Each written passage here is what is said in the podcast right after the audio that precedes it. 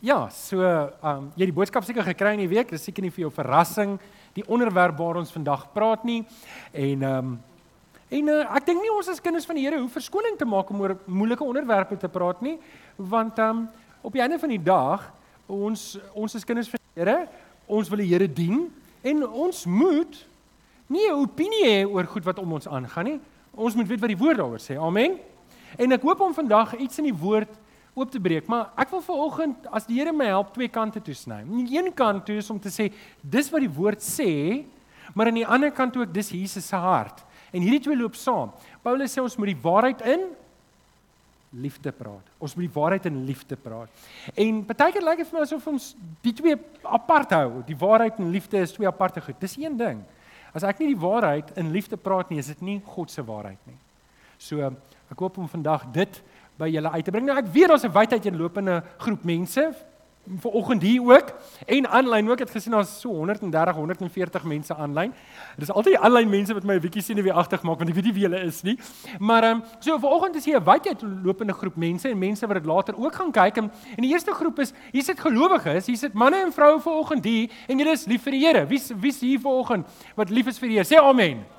Amen. So en en julle wil antwoorde hê. Julle wil weet, wat moet ons sê vir hierdie wêreld? Dit is 'n moeilike tyd waarin ons leef en ons moet 'n antwoord hê. En dan sou ook gelowiges wat die mekaar is. Ek weet ons baie gelowiges wat hulle hulle weet self nie wat die antwoord is nie. Hulle weet self nie wat die antwoord is nie en die kerk doen hulle nie 'n guns nie want die kerk sê nie vir hulle wat om te sê nie. En dit los hulle hulle moet self gaan grawe in die woord En partykeer word die agenda deur die verkeerde mense bepaal. En en ons moet gaan kyk en en en um en dis wat ek vanoggend ook wil doen. En dan is daar daar's 'n derde groep mense en daar's mense wat van die LGBTQ en vergewe my dat ek nie al die letters gebruik nie want ek weet nie wat al die letters is en al die volgorde van dit is nie. Maar ek weet daar's mense wat inskakel. Ek weet en ek wil vir julle sê dat ek's baie sensitief hier rondom want ek ken mense persoonlik wat in daardie gemeenskap is en uh, ek is regtig lief vir hulle en ek wil hulle regtig bedien met Jesus en ek wil regtig um ook uh, en dis nie net hulle nie enige persoon wil ek by die kruis van Jesus bring. En dan is daar ongelowiges wat um ook antwoorde soek en Petrus sê ons moet 'n antwoord gee vir enige iemand wat dit van ons vra. So dis wat ek hoop om vir oggend te doen. So vir julle wat aanlyn ingeskakel is, baie welkom. Ek weet daar's 'n paar mense wat siek is wat van die huis af inskakel en ek hoop julle kan dit volg. Vriende, vanoggend se boodskap werk 'n bietjie anders as ons gewone boodskap. Dit wat op die raamwerk is, is die laaste 7 minute van my boodskap. So jy kan hom oopmaak en in jou notas gebruik, maar ek kan jou nou waarsku, dis nie genoeg nie. So ek sien jy's 'n paar mense met notaboekies, so jy gaan waarskynlik die preek weer moet kyk as jy die volle um, impak daarvan wil hê en dis ook oukei. Okay. So volgens se boodskap is 'n klein bietjie langer as 'n gewone boodskap. Is dit oukei okay met julle sê? Mm? Okay, wonderlik. Kom ons doen dit. Ek weet die skaapbout is Vadersdag. Ons gaan nie te lank wees nie, maar kom ons kom ons spring weg. Ek wil ek wil ek wil 'n paar goeie sê om die tafel te dek dat julle weet wat my standpunt is, waar ek staan as julle geestelike leier, as die predikant van hierdie gemeente en ek dink daar moet geen um illusie wees rondom waar staan ek nie en hoekom ek daar staan nie. Um en want dit gaan vir jou sê of jy my gaan volg of nie gaan volg nie. Paulus sê in 1 Korintiërs 11 vers 1: "Volg my voorbeeld soos ek die voorbeeld van Jesus volg. Jy volg my net so ver soos wat ek Jesus volg. As ek Jesus ophou volg, hou jy op om my te volg. Amen. Amen. Okay, so ek wil hê jy moet verstaan my finale maatstaf vir my lewe is die woord van die Here. En dis nie iets wat ek net hier doen as predikant nie. In my persoonlike lewe wanneer ek voorberei dan bid ek. Ek vra vir die Here, Here, help my dat ek nie iets preek waaraan ek self nie voldoen nie. Help vir my dat ek die pad stap wat ek ander mense uitdaag om te stap. En dis wat ek met julle gaan doen. Ek gaan julle uitdaag om die woord van die Here te glo, maar dit ook te leef. En dis belangrik. So, ek het 'n verantwoordelikheid eerste teenoor die Here. Die Here het my geroep om hier te staan.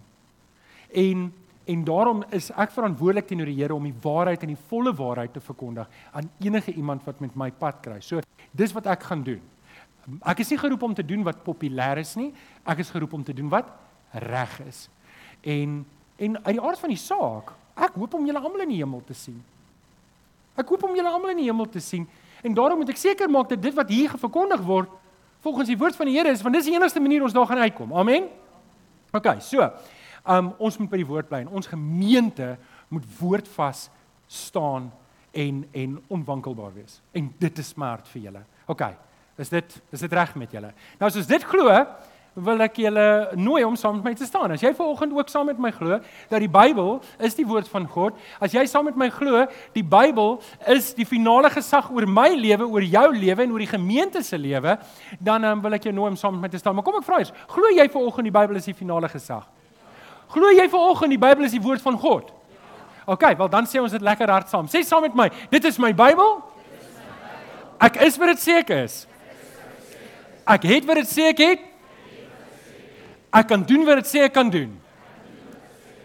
Met my mond bely ek met my hart glo ek dat Jesus die Here is. Amen. Amen. Baie dankie. Jy kan jou Bybel vanoggend oopmaak by Johannes 8. Johannes 8 En uh, miskien gaan hierdie verse vir jou 'n verrassing wees want nou alles wat ek nou gesê het, gaan jy dalk nie verwag dat ek hierdie teksgedeelte gaan gebruik nie. Maar um, in Johannes 8 het ons 'n baie interessante insident wat gebeur. Johannes 8 vanaf vers 1 en ek vir julle sê voor die gedeelte lees ons dat Jesus het elke dag teruggegaan tempel toe en die mense daar geleer.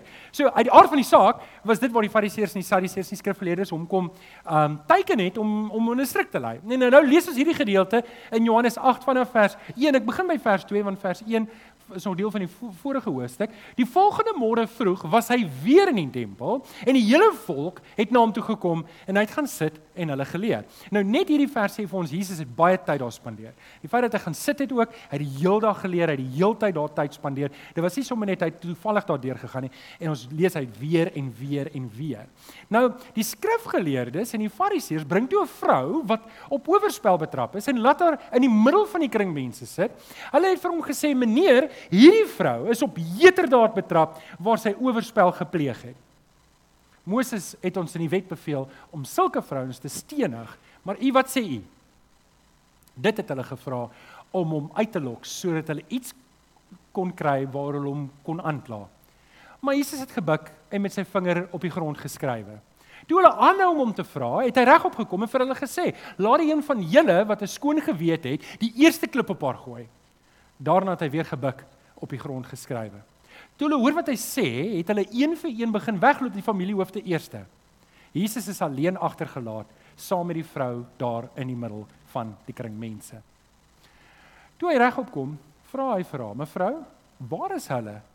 Het nie een van hulle die oordeel oor jou voltrek nie?" "Niemand nie, Here," sê sy. Toe sê Jesus: "Ek doen dit ook nie.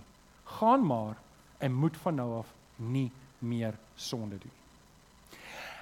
Hier is 'n baie interessante teksgedeelte, gelaai met baie goed wat in die agtergrond aangaan. Nou eerstens, die Fariseërs kom na Jesus toe en hulle stel hom in 'n lokval. Nou hulle stel hom in 'n lokval en hulle sê vir hom: hulle spreek aan as Didaskalios. Didaskalios of Didaskalia, met ander woorde leermeester, wat hulle doen is, hulle gee familiariteit aan Jesus om te sê, ons is die Didaskalia, die leermeesters, en hy is 'n leermeester. So hy is deel van ons kring. Met ander woorde hulle probeer hom vlei en hom paai, maar eintlik lei hulle hom in 'n strik. En Jesus sien natuurlik deur dit. Hulle sê Didaskalios, Didaskalia, ehm um, die wet van Moses sê, ons moet hierdie vrou stenig net hierso. Né? Nee? Ehm, um, maar leermeester, wat sê u? Interpreteer vir ons die wet, want ons is hier om te luister. OK?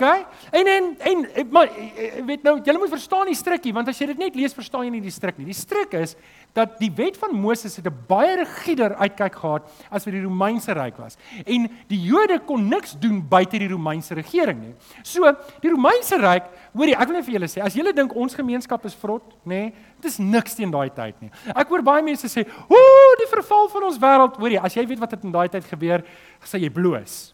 Moenie dat ek begin nie, want ek wil nie julle moet almal bloos nie, ek wil julle moet luister. Maar okay, dit was wil daai tyd. Dit was willer as die wildtuin. Okay. So moenie dink ons tye is nou boser as daai tyd nie. Dit was daai tyd erger. Maar okay, in 'n geval, hulle kon nie net 'n vrou stenig nie. So sou Jesus sê dis reg. Die wet van Moses sê dit gooi haar dood met klippe. Dan kon hulle hom gaan aankla het by die Romeine om te sê hier's iemand wat 'n rebellie veroorsaak. Hy wil hê en dan sou Jesus ten minste in die tronk beland het en hy sou gediskrediteer word. Sou hy sê nee, um, moet haar nie doodmaak nie. Ons gaan genade wys soos wat hy almal se sonde want die heeltyd vergewe hy almal se sonde voor dit. Sou hy dit sê, dan sou hy by die Joodse raad aangekla geword het om te sê hier's 'n man wat die Joodse wet van God ondermyn. So Jesus kon niks sê nie. Hy kon niks sê nie. So wat doen Jesus? Hy bly stil. Hy bid kan hy skryf op die grond. En uh, natuurlik frustreer dit hulle en hulle dring aan. Here, sê iets. Maar hulle het nie gesê Here nie, hulle het gesê die die daskal, ja. Hulle het gesê leermeester sê nou iets. Hulle dring aan. En ehm en die Here Jesus kom toe op en hy sien toe hulle harte is so hard en hy en hoor hierdie briljante antwoord.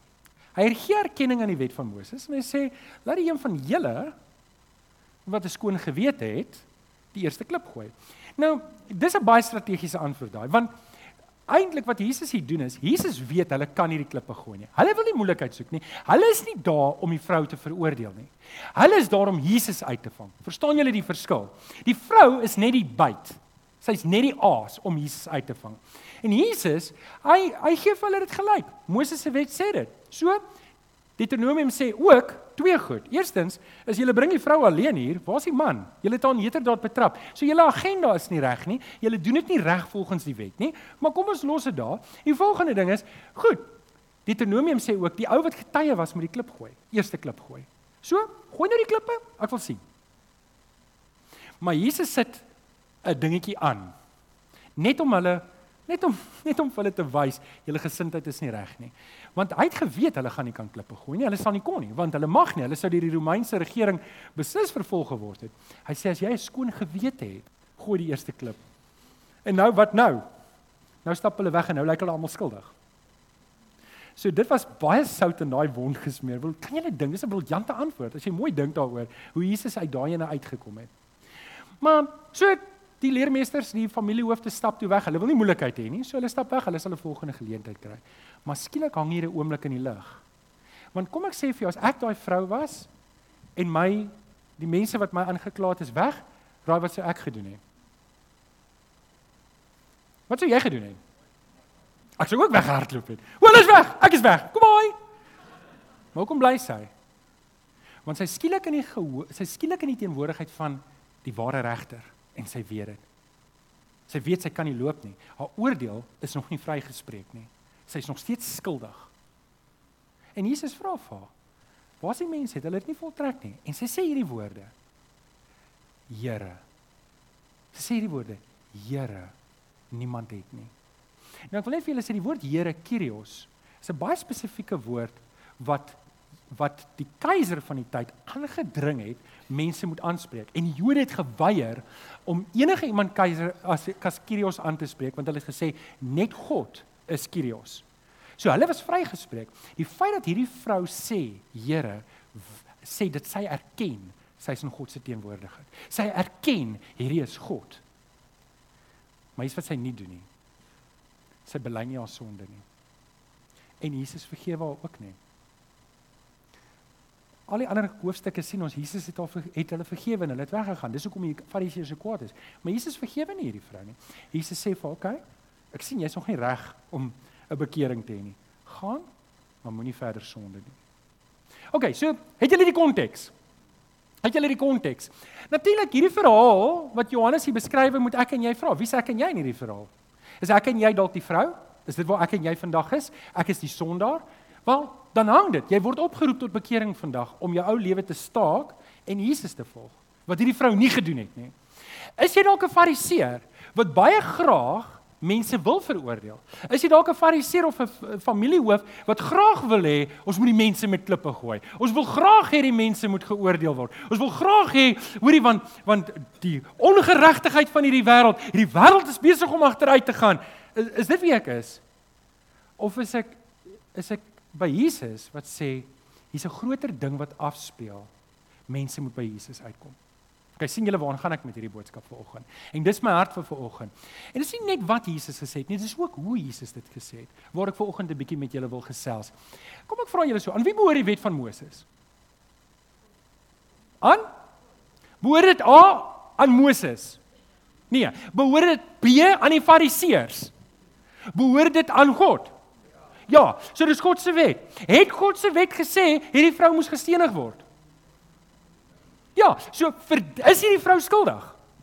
Oor die antwoord is ja, hoor, ek sien julle wonder nou. OK, die volgende ding is, verdien sy die straf wat op haar opgelê is? Die antwoord is ja. Word dit voltrek? Nee, en hier's 'n hier's 'n hier's 'n ding wat ek wil hê julle moet hoor van Jesus se hart en dit moet my en jou hart ook wees wanneer ons in hierdie wêreld lewe. Is jy reg hiervoor? Uitgestelde oordeel Sê gou saam met my. Uitgestelde oordeel. Jesus sê in Johannes 3 vers 16, wel Johannes skryf en sê, want so lief het God die wêreld gehad dat hy sy eniggebore seun gegee het sodat die wat um, in hom glo nie verlore sal gaan nie, maar die ewige lewe kan hê. En dan wat sê vers 17? Jesus het nie na die aarde toe gekom om dit te oordeel nie. Wel die woord nog nie, want die oordeel kom eendag, maar dit is nog nie nou nie. Dit is uitgestelde oordeel en voorkeer genade. En hierdie is die twee woorde wat ek en jy moet handhaaf wanneer dit daar buite is. En jy gaan baie hoor vanoggend buite en binne. Ek en jy moet met hierdie hart en hierdie gesindheid leef na buite. Uitgestelde oordeel, voorkeer genade. Kan julle saam met my sê op die telling van 3? 1 2 3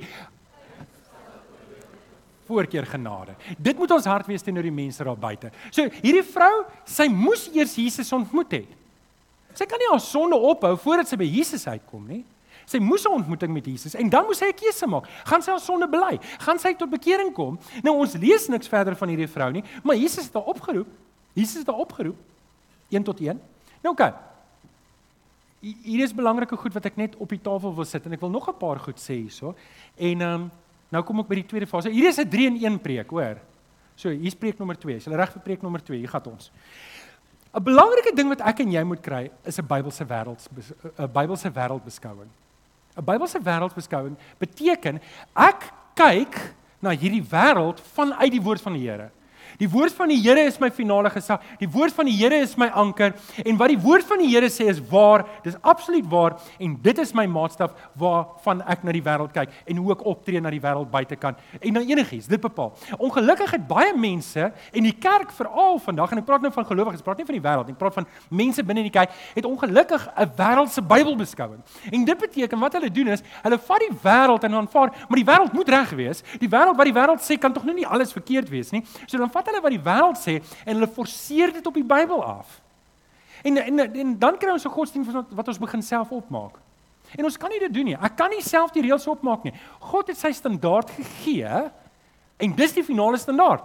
Die Here roep nie vir my en jou om daar gaan karring en te gaan verander nie. Dit is wat dit is. As ek en jy gaan skaak speel, speel ons dit volgens die reëls, volgens wat dit gegee is. Ons maak nie ons eie reëls op nie.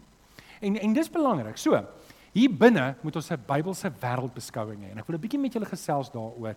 Ek wil ek wil vir jou laat verstaan dat dit wat hier geld, geld nie daar buite nie. Dit wat hier geld, daar's 'n ander stel reëls waarvolgens ek en jy leef. Ons kan nie van ongelowiges verwag om soos gelowiges te leef as hulle dit nie is nie. En dit klink vir my is baie keer wat ons wil doen. Ons verwag van ongelowiges om op te tree soos gelowiges. En ek gaan nou-nou 'n bietjie meer daaroor praat. Maar kom ek kom ek sê gou vir jou sewe waardes wat vir my sal help om 'n Bybels 'n Bybelse wêreldbeskouing te hê. En dit moet jy neerskryf, maar dis nie op jou raamwerk nie. So skryf dit op jou notas basis. Jy is reg daarvoor. Um die eerste element van 'n Bybelse wêreldbeskouing is ek glo dat God die enigste God is. Dat God um bestaan die drie eenheid bestaan uit die Vader en die Seun en die Heilige Gees en dis die enigste God. Daar is nie nog 'n God nie. En dis belangrik dat ek en jy daarop moet vas staan. Nommer 2, God is die skepper van die heelal. En ons gaan nou-nou ook ietsie daaroor sê. God is die skepper van die heelal en dit beteken hy's die argitek van alles wat ons sien. En in hierdie eh, konteks uh, waar ons vanoggend praat, is hy's ook die argitek van man en van vrou. Dit was nie toevallig nie, dit was nie per ongeluk nie. Hy het Adam en Eva gemaak. Baie spesifiek so. Hy het die huwelik gemaak tussen een natuurlike man en een natuurlike vrou. En dit staan in ons gemeente se konstitusie opgeskryf. Johan Marie, ek weet nie of jy onthou nie, ons het so hard gewerk om hierdie ding te skaaf om te sê die huwelik en dan enige seksuele aktiwiteit mag net binne in die huwelik plaasvind en daardie huwelik is een natuurlike man vir een natuurlike vrou. Dis wat die skrif leer. Dis nie dis nie my reëls nie, dis wat God gesê het. Die derde basiese uh, Bybelse wêreldsbeskouing is die Bybel is die woord van God en dis die finale gesag vir ons lewens. Ons verander nie die Bybel omdat die kultuur verander het nie. Want dan maak ons ons eie godsdienst op. Dan dan is ons weg van waar God ons wou gehad het. En dit moet tel as ons aan een ding verander, kan ons aan alles verander. Ek het eendag 'n preek gehoor waar gesê het, nee maar en dis verreg. Dit was 'n preek wat gepreek is. En dit was in was was in 'n gemeente wat nogal baie ehm um, baie ehm um, invloed gehad het in die gemeenskap wat gesê het, hier's 'n baksteen muur. As ek een baksteen uithaal, dan gaan die hele muur mos nie in mekaar inval nie, nê? Nee? Stem julle saam? Sê maar weet jy wat die baksteen wat hy uitgehaal het? Hy het gesê Jesus is nie 'n maagtelike geboorte gewees nie. Ja, met ander woorde, daai wonderwerke is mitologies. Dis mitologies. Dit was nie werklik so nie. Dit probeer iets anders sê. Dit sê net dit was 'n goddelike affære geweest. Ek kan nie eens onthou wat die hele storie was nie. Maar kom ek sê jou nou, as jy een baksteen uithaal en een baksteen is vrot, dan moet jy wonder hoeveel bakstene is nog vrot in daai muur. En vinnig vinnig. En dit was dit was omtrent 30 jaar terug wat ek hierdie preek gehoor het. En kom ek sê vir jou nou, ek kan sien die muur het omgeval intussen omdat mense wegbeweeg het van die woord van die Here. En daarom is dit belangrik dat ons die woord van die Here die finale gesag in ons lewe moet maak. Dan nommer 4 is God is goed. Sê vir die ou langs aan God is goed. En alles in God is goed. Hy maak net goedheid en alles wat hy doen is reg en heilig. Nommer 5. Adam en Eva se sonde het die hele mensdom in sonde gedompel en van geboorte af is alle mense verlore. Ek en jy is verlore van geboorte af en daar's niks wat ek en jy kan doen om onsself te red nie. En dit bring ons by nommer 6. Satan en die demone probeer die wêreld verblind, verlei, verslaaf, verwar en gevange hou. En hy doen dit met gelowiges ook as hy die geleentheid kry. OK, nommer 7 en dit is Jesus se dood. Dis die enigste antwoord. Ek en jy moet die Here Jesus aanneem. Net hy kan red. Net hy kan my help om los te kom van my sonde. OK, nou daai sewe goed moet jy vasmaak. Daai is 'n reeks op sy eie. Ek wou dit net die tafel gedek het met dit. Dat jy verstaan hoekom ons die antwoorde gee wat ons gee. Dit kom van hierdie standpunt uit. So, ek gaan die tafel dek met 5 verse. Kan ek 5 verse met jou deel? Ons is nou halfpad. Is julle nog wakker? Haal diep asem. OK, hier's 5 verse. Hier's 5 verse wat ek en jy moet oor saamstem. Die eerste vers in Johannes 14 vers 5 staan daar, Jesus sê: "As julle my liefhet, hoe dit werk is as ek stop met julle aangaan." Jesus sê: "As julle my liefhet, OK, so die opdragte waar kry ons dit? Ons kry dit in die woord van die Here. As jy lief vir die Here, dis 'n eenvoudige som. Doen wat hy sê. Dis wat dis waarop dit neerkom. Ek kan nie sê ek's lief vir die Here. Ek het ek het ek het onlangs met 'n persoon gepraat en sê maar ek is so lief vir die Here, maar ek hou aan met my ou lewe. Nee, maar dis dis nie hoe dit werk nie. Ek kan nie sê ek's lief vir my vrou, maar ek knyp die kat in die donker nie. Nee? OK. So as ek sê ek is lief vir die Here, dan moet dit in my lewe wys. Vers nommer 2, Matteus 16 vers 24. As iemand agter my wil aankom, moet hy homself verloën, sy kruis opneem en my volg. Met ander woorde, hier's 'n ding wat moet gebeur is. Ek moet na Johan Delport in die spieël kyk en sê, "Johan, jou agenda beteken van nou af niks verder nie. Jou begeertes beteken van nou af niks verder nie. Jy moet jou kruis opneem en agter Jesus aanvolg." Met ander woorde, jy behoort nou aan Jesus. En wat vir Jesus belangrik is, word vir jou belangrik. Jy kan nie meer doen wat jy wil nie. Stem julle saam? vers nommer 3, Galasiërs 5 vers 24 en Paulus brei uit op die vorige vers. Die wat aan Christus Jesus behoort, het Kom ons probeer weer. Die wat aan Jesus Christus behoort, het OK. Wat moet ek doen met my begeertes? Ek moet dit kruisig. Dan vers nommer volgende, Johannes 16 vers 8. As die Heilige Gees kom en hierop moet ek dalk 'n oomblik stil staan. As die Heilige Gees kom, sal hy die wêreld oortuig van sonde en van geregtigheid en van oordeel. Nou, hierdie vers is dalk 'n moeilike vers. Want sien, ek dink ons as kinders van die Here stel ons baie keer aan as polisie en prefekte en hoofseuns en kapteins en wat ook al is en ons wil vir die wêreld vertel hoe sondig hulle is. Julle is sondig, hoor? Julle is sondig, sies vir julle. Julle stout mense. Hm, ek skaam my mos dit vir julle. En en maar dis nie my en jou werk om die wêreld te oortuig van sonde nie. Ja, om die waarheid te sê, ek weet nie wie van julle onthou toe jy tot bekering gekom het nie. Jy het geweet jy's 'n sondaar. Jy het geweet jy's 'n sondaar. Jy het geweet jy's verlore. Jy kon dalk groot praat en sê nee, maar ek leef so en ek leef so, maar jy het geweet in jou hart jy's 'n sondaar. Weet jy hoekom? Want die Heilige Gees het jou klaar oortuig jy doen sonde. En dit is nogal snaaks. Hoe meer ek probeer verskoning maak van my sonde en sê dis reg en dis hoe hoe meer weet ek net in my hart is leeg. Dis nie jou werk om iemand te probeer oortuig van sonde nie. Dis die Heilige Gees se werk. So Jy hoef nie so hard te werk wanneer dit kom by sondeoortuiging nie. Los dit vir die Here. Ek en jy moet die evangelie ver, verkondig.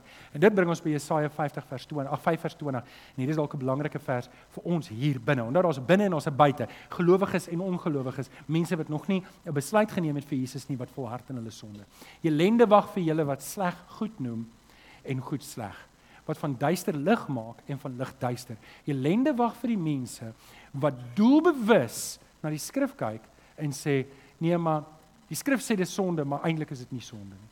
Dis wat hierdie vers sê. Die skrif sê do iemand wat doelbewus En soveel meer iemand wat op 'n kant sal staan en sê hier is nie eintlik sonde nie en hy probeer 'n storie opdis vir hoekom dit nie sonde is nie en hy hou dit voor aan die mense.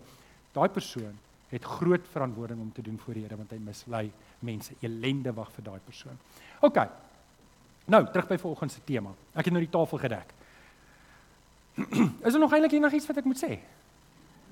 Is alles gesê? Dis baie voor die hand lig en daar's niks snaaks om te sê nie. Alraai, so wat moet ons reaksie wees teenoor die wêreld? En en ek wil 'n bietjie praat oor sonde nou. Ek gaan nou 'n bietjie stil staan op sonde want dis tog hoekom julle hier is. Julle wil antwoorde hê van maar is dit werklik sonde? Wat is sonde en hoe moet ons reageer op sonde? Kom ons kyk 'n bietjie daarna. Ek dink voordat ons oor sonde praat, moet ons net verstaan tussen binne en buite. Wie van julle sê julle is kinders van die Here? Steek gou op die hande.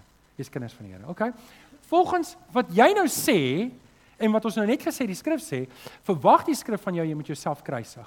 Jou begeertes moet gekruisig wees. Jy moet jou kruis opneem en hom agter Jesus aanvolg en jy moet sy opdragte uitvoer. Anders te kwalifiseer jy nie. Né? Nee? Stem julle saam? Amen daarop. OK. So as jy dit nie doen nie, kan jy sê jy's lief vir Jesus. Jy kan sê ek dien die Here, maar jy sê 'n kind van die Here nie. En dit is belangrik om 'n onderskeid te tref. Jy kan daar's baie ek gaan nou-nou daaroor praat. Daar's baie daar's baie fans van Jesus. Daar's baie mense wat agter Jesus aangeloop het, maar hulle is nog steeds verlore. Hierdie vrou was aangeraak deur die Here, maar sy het weggestap van die Here. Sy het nie tot bekering gekom nie. Ons weet nie wat het daarna gevolg nie, maar op daai oomblik is dit tog baie duidelik sy's net 'n fan. En volgens wil ek jou vra, is jy 'n fan of is jy 'n volger? En dis 'n belangrike vraag om te vra, want as jy 'n volger is, is jy gelowige. Anderste is jy 'n ongelowige, jy's verlore. OK. Kom ek vra julle die vraag. Dis vir julle wat gelowiges is. Hoe word iemand gered? Hier is 'n game show, is julle reg? Daar's 'n miljoen rand op die spel. Nee, net 'n grappie. so, hier is die vraag. Hoe word iemand gered? A, B of C? Is julle reg hiervoor? Julle moet dink en een wat eers sy hand opsteek kry 'n bottel water. Okay, so A, A is hoe word iemand gered? A deur om minder sonde te doen. Ons kry die wêreld hier in en ons help hulle net om minder sonde te doen. Hulle moet nie so verskriklik sondaars wees. Hulle moet 'n bietjie minder sonde doen. Hulle weet weet hulle moet dan net die smaak en die flavour en die reuk hê van Christendom. B, hulle moet heeltemal ophou sonde doen. Hulle moet stop met hulle sonde. Ons gaan in hierdie wêreld en ons gestaan in die straat en sê, "Stop julle sonde man. Hou nou op." Ek hou daarvan ons het op skool gesê, "As jy kom, kom net by." Okay? Of is dit C deur om Jesus aan te neem en weergebore te word? C. Ah, oh, julle almal wen 'n bottel water. julle moet maar kom drink na die tyd. Um, okay, so ek dink staan julle stem saam. So wat moet gebeur? Wat is ons boodskap aan die wêreld? Wat is ons boodskap aan die LGBTQ gemeenskap? Is dit dat hulle moet ophou sonde doen? Is dit hulle moet minder sonde doen? Hoorie ouens, dit help nie ons sê vir iemand hy moet minder sonde doen en hy is nog steeds op pad hel toe nie. En en dit help nie ons probeer aan iemand karring om hom beter te laat lyk like en mooier te laat lyk like en te lyk like, lyk soos 'n gelowige, maar hy is nog nie 'n gelowige nie. Hy het nie sy kruis opgeneem en hy volg nie vir Jesus nie. Dit help nie. En en dis dis wat moet gebeur. Ons wil nie hulle moet minder sonde doen nie. Ons wil nie hulle moet ophou sonde doen nie. Ons wil hulle moet by Jesus uitkom. Dis die eerste stap. Daarna is hy 'n gelowige. Dan sy binne. Dan tel ander reëls. OK? Maar tot hy nie daai oorgawe gemaak het nie, kan ons nie van hom verwag om soos 'n gelowige op te tree nie. Nou kan. Ek dink dit is dit is baie duidelik. As ek net een stelling kan maak wat ek nou al oor en oor gemaak het, maar nou is dit op die skerm, so nou is dit amptelik. En dit is ons kan nie van ongelowiges verwag om soos gelowiges te lewe nie. Amen. Dis verkeerd. Ehm, um, want dan skep ons valse sekerheid by mense. Dis nie wat die Here wil hê ons moet doen nie. En kom ek wees 'n bietjie eerlik. En as ek nou eerlik is, dan sê ek nou sommer nou eerlik uit my hart uit ook. Ek Ek wil eintlik hê mense moet minder sonde doen. Ek wil hê ons gemeenskap moet meer minder sonde doen. Ek verlang na 30, 40 jaar terug. Ek verlang na 40 jaar terug waar die winkels toe was, almal op 'n Sondag kerk toe gegaan het en um, mense net eenvoudig minder sonde gedoen het. Ek verlang terug na daai tyd. Ek sou graag wou gehad het mense moet 'n bietjie minder sonde doen. Dit sou baie beter plek vir my en my gesin gewees het. Amen. Ja, julle weet dit is verkeerd met daai stelling. En dit lyk vir my baie keer, dis presies hoe ons na die wêreld kyk. Ons wil hulle moet minder sonde doen, nie omdat ons wil hulle moet by Jesus uitkom nie, maar omdat ons net nie like van hulle sonde nie. Ons wil hulle, jy weet, ek wil my kinders se oë en ore toedruk want ek kry skaam vir wat in die wêreld aangaan. Ek wil hulle moet liewer nie sien wat in hierdie wêreld aangaan nie. Ek is bang dit smeer af op hulle. Né? Nee? Maar dit gaan nie eintlik oor Jesus nie. Dit gaan nie eintlik oor die evangelie nie. Dit gaan nie oor siele wat gered moet word nie. Weet julle wat? As julle sonde wil doen, gaan doen dit net iewers in 'n hoek waar niemand julle sien nie. As net nou maar wil hel toe gaan, is dit maar nou oké, okay, maar dit het nou niks met my te doen. Maar moet dit nie hier doen waar ek jou kan sien nie. En en daai houding moet verander in ons harte. Daai gesindheid moet verander want dis nie die Here se hart nie. Dis nie Jesus se hart nie. OK? Amen. OK. So kan ons dit duidelik sien? Ja, ons kan dit duidelik sien. En hier sou ons dit duidelik kan sien. As ek en jy baie gewillig is om petisies te teken teen watter sonde daar ook al gedoen word. Maar ons het nie dieselfde ywer om die evangelie te verkondig aan dieselfde mense teen wie ons die petisie teken nie. Stem julle saam? Dis 'n baie duidelike teken. Dit's dis soos 'n ek wil graag die petisie teken. Hulle moet ophou met dit wat ook al dit is. Stop dit man. Maar ek wil nie by die persoon agter daai petisie uitkom om te sê, "Maar ken jy Jesus?" Want jy's eintlik verlore en eintlik wil die Here jou hê. En dis hoe ons dit sien. Nou, ouens, verstaan my reg, ek sien teen petisies nie. Ek's glad nie teen petisies nie. As jy 'n petisie het om te teken, teken dit. Sit jou aantekening daar. Nie 'n probleem daarmee nie. Maar as ek en jy petisies teken sonder om die evangelie te verkondig, dan moet ek my agenda mooi gaan benaspreek. Amen. OK. Maar die probleem is, die probleem is ons gee die goedkoopste. Ek weet nie of dit die goedkoopste hoestroop is nie. Maar is dit nie? OK. Is al goedkoper. Shoprite. OK. Ons gee die goedkoopste hoestroop vir longontsteking. Dit help niks. Help niks. Dit help nie ons probeer die wêreld make-up opsit dat dit beter lyk. Die antwoord is Jesus. Dis dis dis waar dit begin. Ons ons begin nie eers by die sonde nie. Ons begin by Jesus. Ons begin by Jesus. Nou. Okay. Is hulle reg om 'n bietjie oor sonde te praat? Ek wil 'n bietjie praat oor sonde want julle wil hê ek moet dit tog reguit sê, nê? Nee? En ek gaan dit vanoggend reguit sê, maar daar gaan 'n bietjie van 'n twist wees. Is jy reg daarvoor? Okay, so wat is sonde? Kom ons kyk na 'n lys sonde. 'n Lys sonde. En ehm um, en dan gaan ek 'n bietjie uitklarings maak daar rondom. So wat is sonde? Want ons moet verstaan die Griekse woord sonde, amartias, beteken net om die merk te mis, die standaard te mis. Daar's 'n standaard wat God gestel het en jy maak dit nie. So dis so maklik soos dit. Sonde is om God se merk te mis. Nou, ons weet wat die standaard is, ons het die Bybel. Enige ou kan dit kyk. Ons het klaar na 'n klomp verse gekyk. Ons gaan nou nou nog 'n paar verse kyk. Maar ehm um, die standaard is duidelik. Dis die woord van die Here. So wat is sonde? Kom ons kyk na die een grootte wat ons nou vanoggend bespreek. Ek sê grootte net omdat dit die groot onderwerp vanoggend is. En ek gebruik spesifiek 'n Nuwe Testamentiese vers net om net om te sê want want dit is nie net Ou Testament nie. Daar's baie Ou Testament, daar's baie ander verse ook. Maar ehm um, enige vorm van homoseksualiteit. Enige vorm van identiteitsverwarring wat ek doelbewus nastreef is sonde. En um, 1 Korintiërs 6 vers 9 tot 10 sê dit: Geen mens wat homoseksualiteit geen mens wat homoseksualiteit beoefen en dis 'n belangrike woord om te hoor. Beoefen sal deel kry aan die koninkryk van God nie. Nou sien julle al daai punte. Wat daar is, punt punt punt punt punt punt punt punt punt. Weet julle wat het ek daar gedoen? Ek het 'n klomp ander sondes uitgehaal.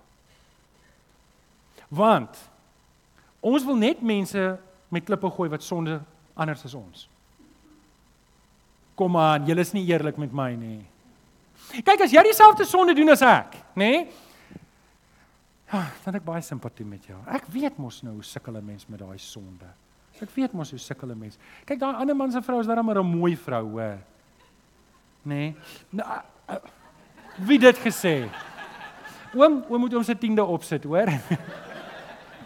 Okay, so so kom ons kom ons gaan net verder. En ek wil net hierdie ding dalk 'n bietjie uitklaar want dis die onderwerp van die dag en en ons moet dit sê, ons moet dit uitklaar. Uh, God het die mens geskep. Adam en Eva. God het 'n man gemaak en hy het 'n vrou gemaak. En en en en en dit is God se standaard. Hy dis hoe hy wou gehad het. Dis wat hy wil hê en dis wat hy in die skrif vir ons sê. So enige afwyking van daai standaard is amartias. Dis om die merk te mis en dit is sonde. OK? Dit gesê, ons het nou vir mekaar 'n paar keer gesê God se standaard is die Bybel, maar dis nie al nie. Dis nie al sonde wat daar is nie. Kom kom ek vat julle na Galasiërs 5:19 tot 21 toe, want broer Paulus het gesê iemand wat hierdie sonde doen, sal die koninkryk mis. En dis belangrik dat ons mekaar sê dat ek 'n fan wees van Jesus en nog steeds hel toe gaan. Ek kan 'n fan wees van Jesus en nog steeds verlore gaan. En en dis wat Paulus daar sê. Maar Paulus gaan verder in Galasiërs 5:19. Hy sê die praktyke van die sondige natuur is algemeen bekend. sien julle weer 'n klomp punte daar? Beteken ek het 'n klomp sonde uitgehaal. Ons gaan nou nou net kyk. Wie om aan hierdie dinge skuldig maak, sal nie sal nie Okay, so stem julle saam daai verse sê iemand wat hom skuldig maak aan hierdie sonde wat ons nou uitgehaal het, mis die merk. Hulle gaan verlore gaan. Stem julle saam. Kom ons kyk na wat hierdie sonde is. Onsedelikheid. Onsedelikheid, onreinheid en losbandigheid gaan alles saam met enige tipe seksuele sonde. Okay? Maak nie saak wat dit is nie. Hoorie, as jy pornografie kyk, is jy net so skuldig. Ek en jy, as ek en jy deelneem aan enige begeerte, ek kyk na 'n ander vrou en ek begeer haar, ek kyk na 'n ander man, wat ook al dit is, as ek dit doen, is ek net so skuldig soos enige ou daar buite wat verlore gaan. Dis wat die skrif sê. OK, dis nie al nie. Afgodsdiens. Nou, ek is seker julle het nie afgodsdiens hierso nie, maar julle ouens, ek dink nie 'n kind van die Here behoort afgodsbeelde in 'n lys te hê nie. Ek dink nie 'n kind van die Here behoort 'n Boeddha beeld of 'n Hari Krishna of ek weet nie wat ek dink nie kinders van die Here. Jy weet jy daai dream catcher van jou kan so mooi wees soos wat dit wil. Ek gee nie om nie. Ek dink nie kinders van die Here behoort te hê nie. Um ek sien al van nou as my vrou foto's het van 'n ander man in haar kas nie. Um net so dink ek nie die Here hou daarvan as ons flirt met ander afgode. OK, afgode. Towery. Ek hoop regtig nie julle doen dit nie. Vyandskap. Hm. Ek hou doelbewus vyandskap tussen my en iemand anders. Skrif sê ek's verlore. Ek's verlore. As ek 'n vyandskap doelbewus handhaaf, is ek verlore. Haat. Is dit nie so dat die dat eintlik ons sê ons hou nie van hulle nie, eintlik grens dit wat haat hierdie mense met die rooi hoedens. Uh, Quentin nie julle ouens met die volmusketeers nie. Die ander ouens.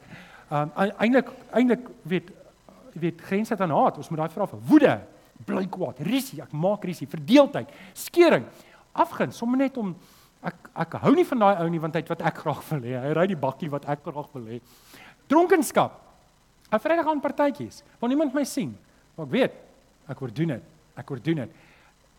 Uitspattigheid en al hierdie dergelike dinge. Paulus sê wie om aan hierdie dinge skuldig maak, sal nie die koninkryk van God as erfenis kry nie. sien wat ek en jy moet verstaan is, God is ernstig oor sy standaard. Hy maak nie grappies nie. Hy ek kan nie Jesus se vergifnis as 'n verskoning gebruik vir my om aan te hou met my ou lewe nie. Ek moet preek daarmee. En die onus is meer op my en jou wat hier sit as die mense daar buite. En ek wil hê ons moet versigtig wees om te kyk na die wêreld daar buite en sê, "Hey, julle moet ophou sonde doen, julle sondaars."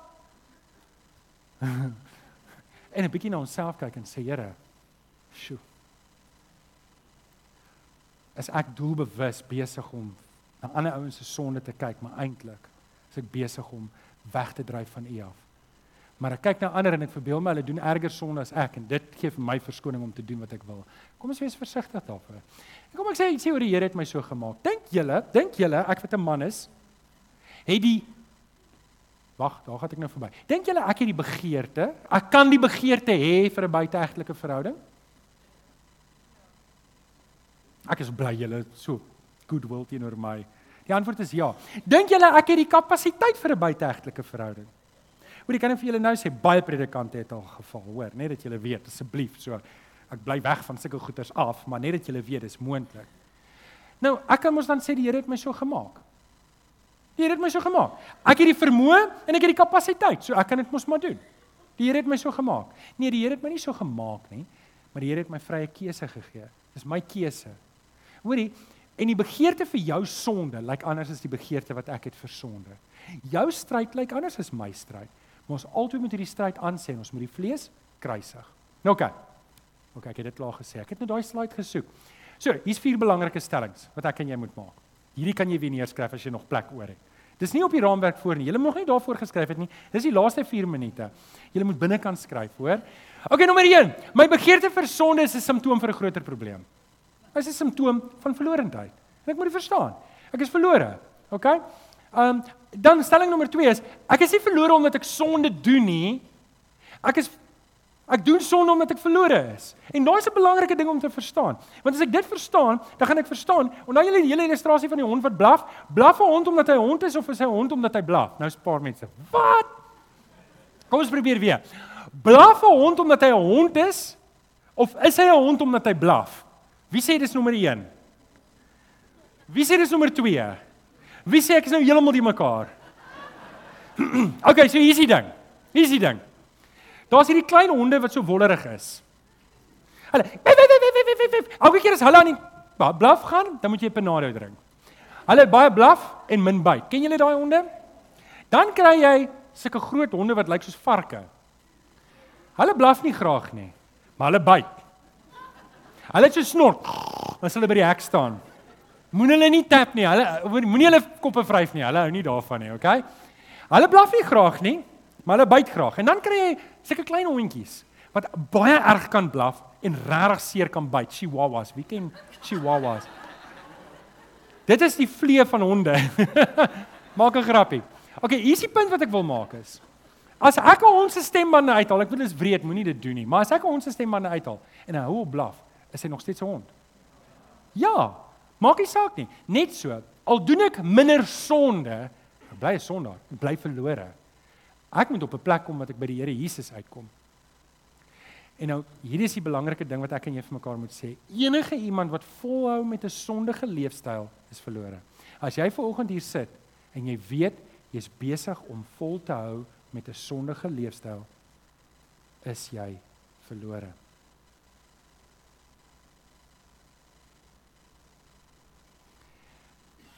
Ons net een antwoord. En dis bekering eers na die Here Jesus toe en bekering weg van my ou lewe. So ek moet my ou lewe staak. Ek kan nie aangaan met my ou lewe nie.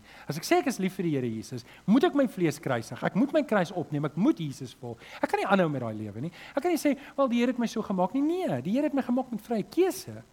En baie van ons moet 'n moeiliker pad stap as ander. Maar ons moet daai pad stap. So wat is die antwoord op alles wat ek nou vir julle gesê het? Kom ek gee dit net vir julle weer in 'n paar verse. Johannes 14 vers 5. As julle my liefhet, Julle vergeet gou, nê? Kom ons probeer weer. As julle my liefhet, Matteus 16 vers 24, as iemand agter my wil aankom, Dis baie duidelik. So die groot vraag wat ons vanoggend moet vra is is ek en jy 'n fan of is ons 'n volger? Dis dis die dis dis die einde van die vraag. Dis die vraag. Dis nie nodig om te fokus op sonde nie. Dis nodig om te fokus op Jesus. En as ek Jesus het, sal my leefstyl dit wys. As ek Jesus nie het nie, dan sal my leefstyl dit wys. Dra vrug wat by die bekering pas. OK. Ek dink ons is nou by die raamwerk en ek gaan dit opsom want ons het nou genoeg tyd gevat. Ek wil opsom hoe moet ons optree? Hoe moet ons optree teenoor die LGBTQ gemeenskap? Hoe moet ons optree teenoor enige iemand daar buite wat verlore is en in sonde is? Is jy reg hiervoor? Kom ons skryf dit neer. Nou is jy op jou raamwerk, OK. Uiteindelik, jy begin die preek nou, as jy nie bly nie. OK, nommer 1 is wees lief vir alle mense. Wees lief vir alle mense. Die Here roep nie vir my en jou om enigiemand te oordeel nie.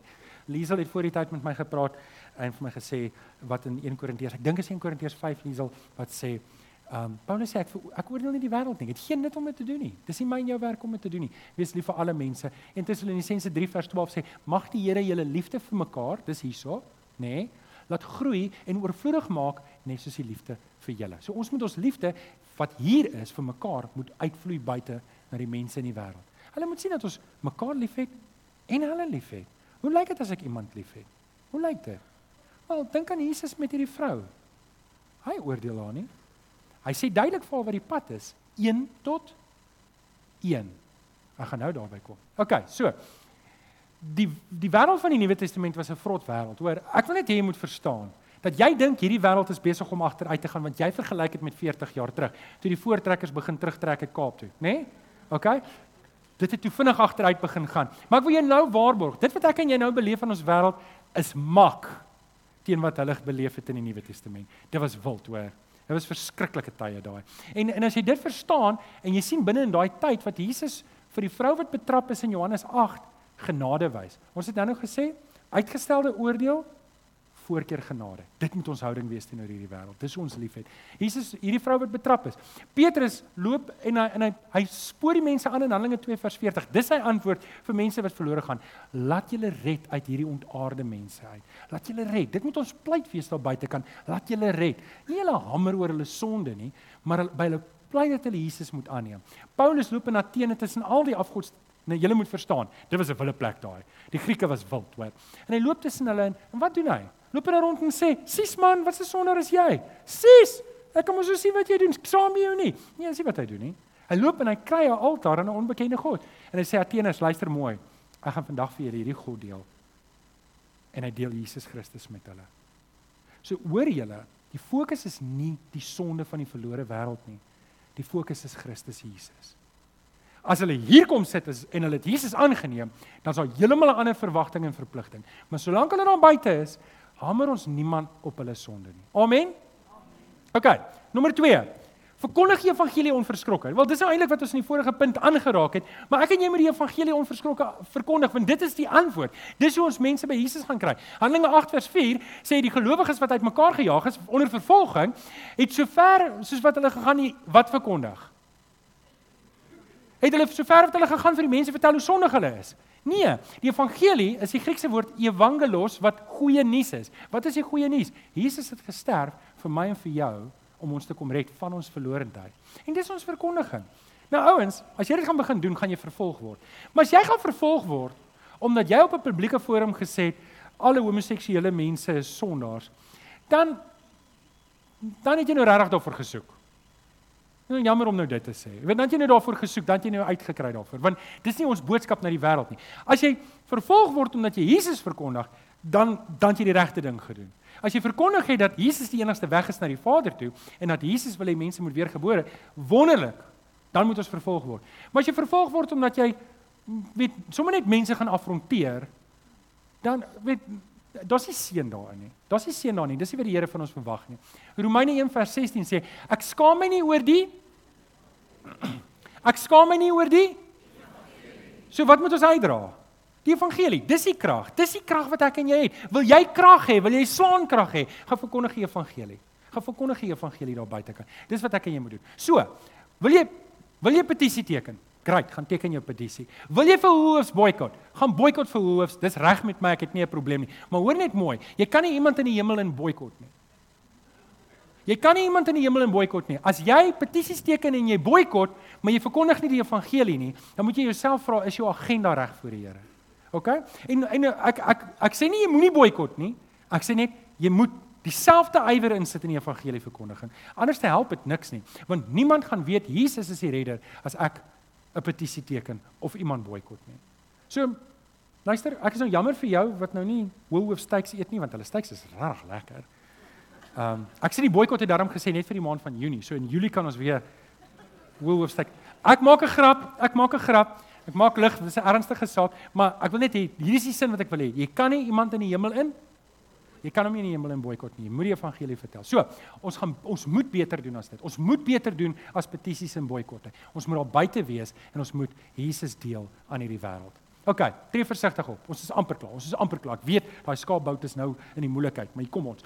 Tree versigtig op. Ek en jy moet versigtig optree. Paulus sê dit in Efesiërs 5 vers 15 en 17. Wees baie versigtig hoe julle optree. Ek en jy moet baie strategies optree. Jesus sê ek stuur julle, ek stuur julle so skape tussen die wolwyd. So wees daarom versigtig soos 'n slang en opreg soos 'n duif.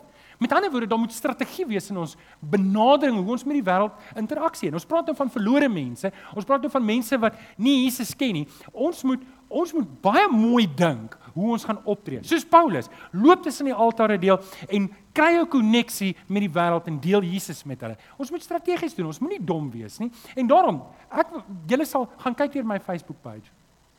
Gaan kyk deur my Facebook page. Vanoggend se preek is nie daarop nie. Gaan kyk hoeveel keer spreek ek die wêreld se sonde aan en vertel vir hulle hoe sleg is hulle op my Facebook page. Jy sal dit nie daar kry nie. En hoorie as jy nog nie 'n vriend is met my nie, jy verloor uit kom maak vriende met my. Nie regtig nie, maar jy's ek sal graag vriende wil wees. Um dit help nie ons spreek die kollektiewe groep aan nie. Want die kollektiewe groep bestaan uit 'n klomp individue.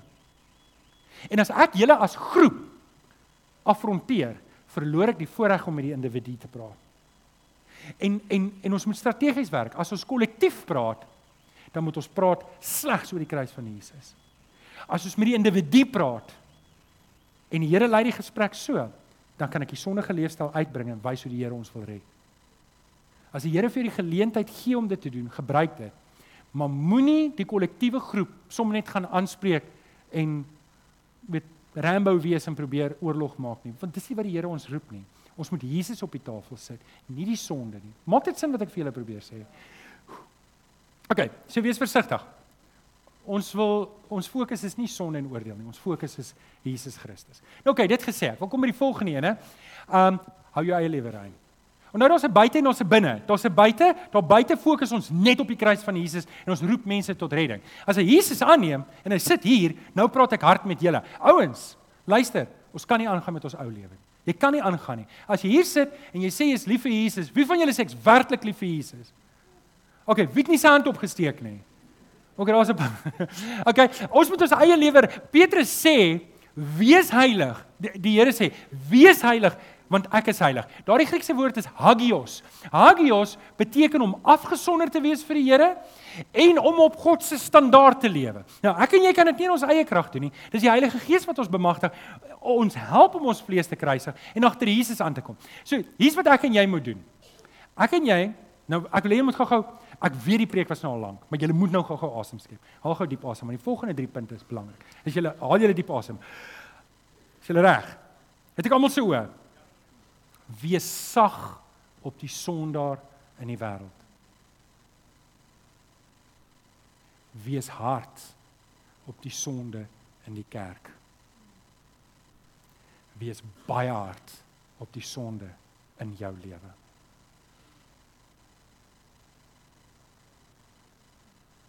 Ek moet hard wees op die sonde in my lewe. Wanneer ek in gebed na die Here toe gaan, moet ek die onsse Vader bid en sê: Vader, vergewe my sonde. Ek moet altyd ernstiger wees oor die sonde in my lewe as wat ek is oor die sonde in jou lewe. OK. Ons moet hagios, ons moet heilig leef, moet afgesonder wees. Ek moet volgens God se standaard leef. OK. En dis die laaste ene. En hierdie is dalk die belangrikste punt. As as jy alles vergeet het wat jy vandag gehoor het, nie onthou hierdie een ding, dan wil ek hê jy moet hierdie een ding huis toe vat. Leer jou kinders 'n Bybelse wêreldbeskouing. Nou ons het twee knap dames in die gemeente. Ehm uh, Anel. Nou Anel kan ek nie jou van onthou nie. Dis nou net by my kop uit. Maar Anel, jy weet wat jou van is. En Liesel Krieger en daai twee, hulle is besig om vir Marlies ook in te trek. Hulle sal nog baie met julle praat. Maar vir julle wat ouers is, ons moet ons kinders leer. sien Spreuke 22 vers 6 sê: "Gee leiding aan 'n jong mens oor hoe hy moet leef en as hy ook oud is, sal hy nie daarvan afwyk nie." OK? So ons moet hulle leer terwyl hulle klein is. So iemand moet hulle leer. Nou sien, baie van ons dink ons kinders is in 'n Christelike skool, want die hoof lees baie keer uit die Bybel uit, né? Nee? Wie van julle is Wie van julle se skole het partykeer Bybelklassies of Bybel lees? Ek wil net gou kyk, wie van julle het dit? Julle het dit, né? Julle het dit. So wat, jou kind is in 'n Christelike skool. En, en as jy op die internet gaan, dan staan daar jou skool het 'n Christelike ethos, né? Is dit? Daar staan net 'n Christelike ethos. En die waardes is daar, die vrug van die Gees kan ook daarop wees. Maar kom ek sê vir jou, as jy in die elwe klas sit, dan is dit heeltemal 'n ander storie. Dis heeltemal 'n ander storie. Daar leer hulle jou kind dat anything goes. Alles sonde is oukei. Okay. By wetenskap en by biologie leer hulle jou kind God is nie werklik die skepper nie, dat um dat dat evolusie is die ding. En en en jy moet weet as jy die volle vertroue van die woord bediening op die skool los, is jou kind diep diep diep in die moeilikheid want jy gaan jou kind so die mekaar maak en dis hoekom ons op universiteit kom wat kinders terugkom huis toe en sê ek glo nie meer in God nie. Want hulle hoor een ding op maandag wanneer die hoof uit die Bybel uitlees. Hulle hoor 'n ander ding sonoggend by die kerk Maar die res van die tyd word hulle geforce feed dat God bestaan nie eintlik nie. Dis iets wat ons doen in 'n opening en 'n saalopening en dis hoekom dit belangrik is dat ek en jy moet verstaan, die skool gaan jou nie, hoorie, die skool gaan jou kinders mooi regkry vir universiteit en vir wêreld. As jy wil hê jou kind moet geld maak, wonderlik. Maar as jy wil hê jou kind moet gered word, moet jy verstaan, dit gaan niks help daar nie. Niks nie. Die kerk gaan 'n bietjie help. Hierdie kerk gaan 'n bietjie help. Ons gaan hier probeer om alles te doen. Tanya gaan daar alles doen. Um Chris en Kenneth met die jeug, hulle gaan alles doen wat ons kan. Maar hulle kom net een keer of twee keer of drie keer 'n week hier. Dis nie genoeg nie. So die kerk kan 'n bietjie help, maar dis nie genoeg nie, is te min. So raai wie moet dit doen? Ouers, luister, dis jou werk. Dis jou werk om jou kinders te leer. Jy het gehoor vanoggend um was Rikus en Pauline hier voor met klein Christine. Rikus Waar is Rikus? Pauline, was 'n ah, daar's Rikus. Was 'n groot voorreg. Dis vir my 'n groot voorreg, maar presies dit wat hier gebeur het. Dis wat moet gebeur. Ons moet 'n toewyding maak. Ouers, dis jou werk om jou kind groot te maak vir Jesus. Oupas en oumas, waar's die oupas en oumas? Al die oupas en oumas net gou op julle hande. Dis julle werk. Dis julle werk om julle kinders groot te maak vir Jesus. Ooms en tannies, waar's die ooms en tannies? Dis julle werk. Dis julle werk, hoor? Hoorie julle wat die laaste 60 jaar in Europa gebeur het? Wat op hierdie oomblik besig is om in Amerika te gebeur, gaan hier gebeur as ons nie nou ons hakke inskop en sê dis ons werk om ons kinders te leer van die Here Jesus nie. Ouens, ons kan nie kanse vat hiermee nie. Ons kan nie ons kan nie ons kan nie wag tot hulle op universiteit kom en hulle sê nie ons glo nie meer nie en sê, "Oh, nou moet ons goed regmaak nie." Nee, jy begin nou met jou kinders. Jy wys dat dit werklik is wat jy glo en jy leer jou kinders dit. Jy bring hulle.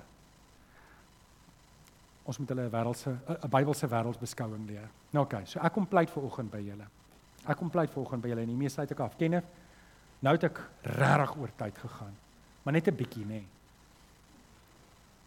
Ek kom pleit ver oggend by julle. Ek kom pleit ver oggend by julle. Dalk sit jy ver oggend hierso en jy het nog nie jou kruis opgeneem nie. Jy het nog nie jou vlees gekruisig nie. Ek kom pleit vir jou by jou ver oggend. As jy weet jy het 'n sondige leefstyl wat jy handhaaf, is jy verlore.